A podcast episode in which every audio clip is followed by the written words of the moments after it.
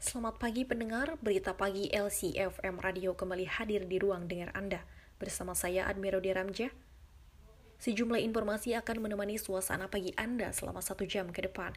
Informasi pertama datang dari Ciamis, yaitu perihal antisipasi pemerintah dalam penyekatan mudik lebaran 2021. Dalam menghadapi Lebaran 2021, Pemkap Ciamis memperketat posko COVID-19 di tingkat desa. Langkah ini mengantisipasi pemudik yang lolos penyekatan.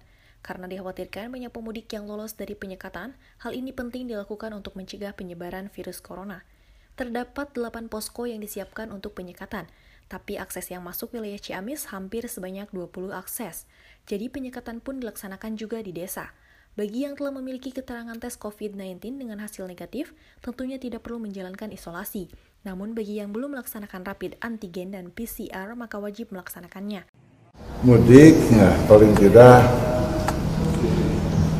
dihimbau kepada masyarakat Ciamis yang kebetulan eh, mencari nafkah di luar daerah, terutama di daerah-daerah yang zona merah.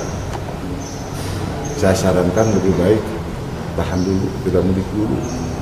Ini kita kan udah udah udah landai. Nah, biasanya ketika ada libur panjang, eh, ada masyarakat yang datang dari luar daerah naik lagi makanya supaya betul-betul landai